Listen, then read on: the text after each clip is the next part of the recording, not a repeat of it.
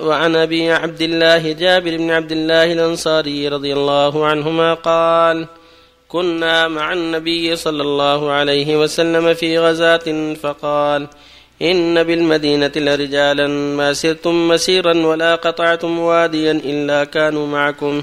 حبسهم المرض. وفي رواية إلا شركوكم في الاجر رواه مسلم.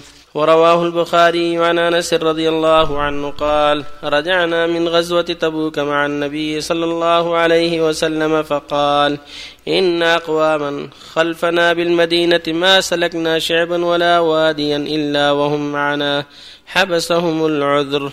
وعن أبي يزيد مع ابن يزيد بن الأخنس رضي الله عنهم وهو وأبوه وجده صحابيون. قال كان أبي يزيد أخرج دنانير يتصدق بها فوضعها عند رجل في المسجد فجئت فأخذتها فأتيته بها فقال والله ما إياك أردت فخاصمته إلى رسول الله صلى الله عليه وسلم فقال لك ما نويت يا يزيد ولك ما أخذت يا معا رواه البخاري وعن أبي إسحاق سعد بن أبي وقاص بن مالك بن هويب بن عبد مناف بن الزهرة بن كلاب بن مرة بن كعب بن لؤي القرشي الزهري رضي الله عنه أحد العشرة المشهود لهم بالجنة رضي الله عنهم. قال جاءني رسول الله صلى الله عليه وسلم يعودني عام حجة الوداع من وجع اشتد بي فقلت يا رسول الله إني قد بلغ بي من الوجع ما ترى وأنا ذو مال ولا يرثني إلا ابنة لي أفأتصدق بثلثي مالي؟ قال لا. قلت فالشطر يا رسول الله. فقال لا. قلت فالثلث يا رسول الله. قال الثلث والثلث كثير أو كبير. إنك أن تذر ورثتك أغنياء خير من أن تذرهم عالة يتكففون الناس.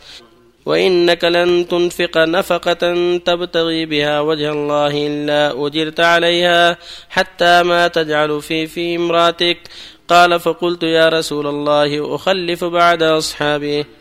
فقلت يا رسول الله أخلف بعد أصحابي. قال إنك لن تخلف فتعمل عملا تبتغي بها وجه الله إلا ازددت به درجة ورفعة. إنك لن تخلف فتعمل عملا تبتغي به وجه الله إلا ازددت به درجة ورفعة.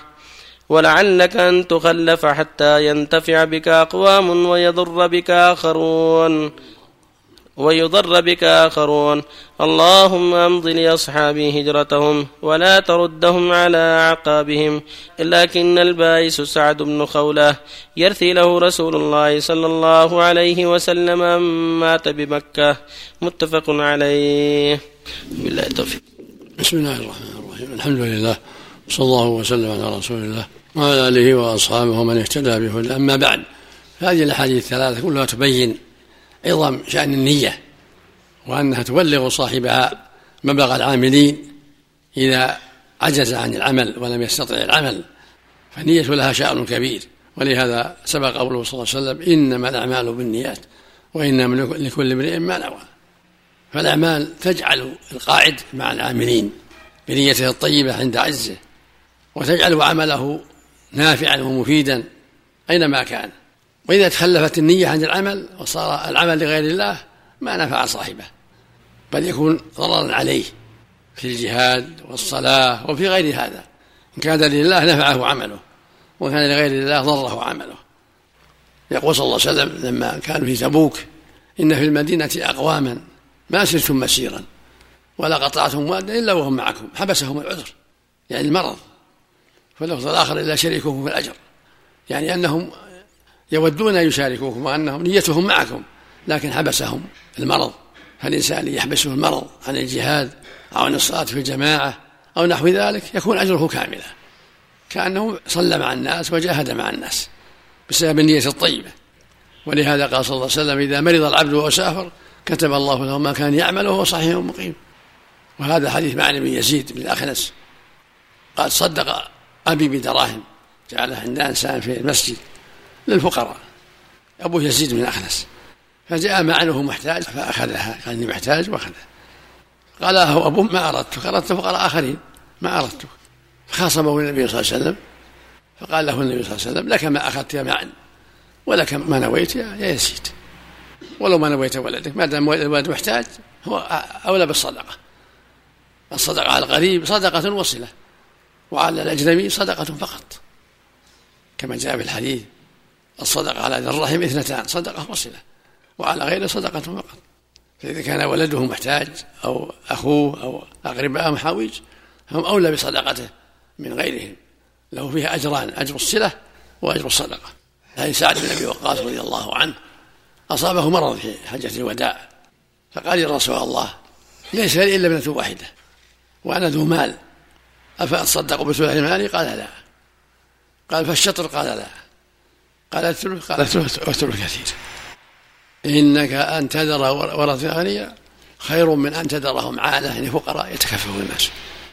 يعني ينبغي الإنسان يحتسب الأجر فيما وراه كون يترك لهم مال يستانون به الناس خير له وأفضل له. الورثة حتى لا يحتاجوا إذا كان عنده. لا يصدق إلا بالثلث فأقل ولهذا قال صلى الله عليه وسلم إنك أن تذر ورثتك أغنياء خير من أن تذرهم عالة يتكففون الناس. وإنك لن تنفق نفقة تبتغي بها وجه الله إلا أجرت بها حتى ما تجعل في امرأتك إذا قصد الأجر في زوجته في بهائمه في أقاربه فله أجر ذلك.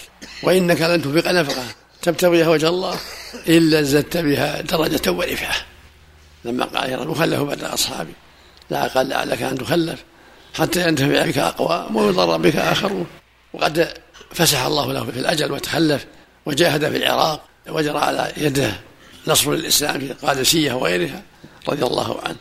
ولم يموت إلا في ستة وخمسين من الهجرة بعد النبي بستة وأربعين سنة. عاش بعد النبي ستة وأربعين سنة.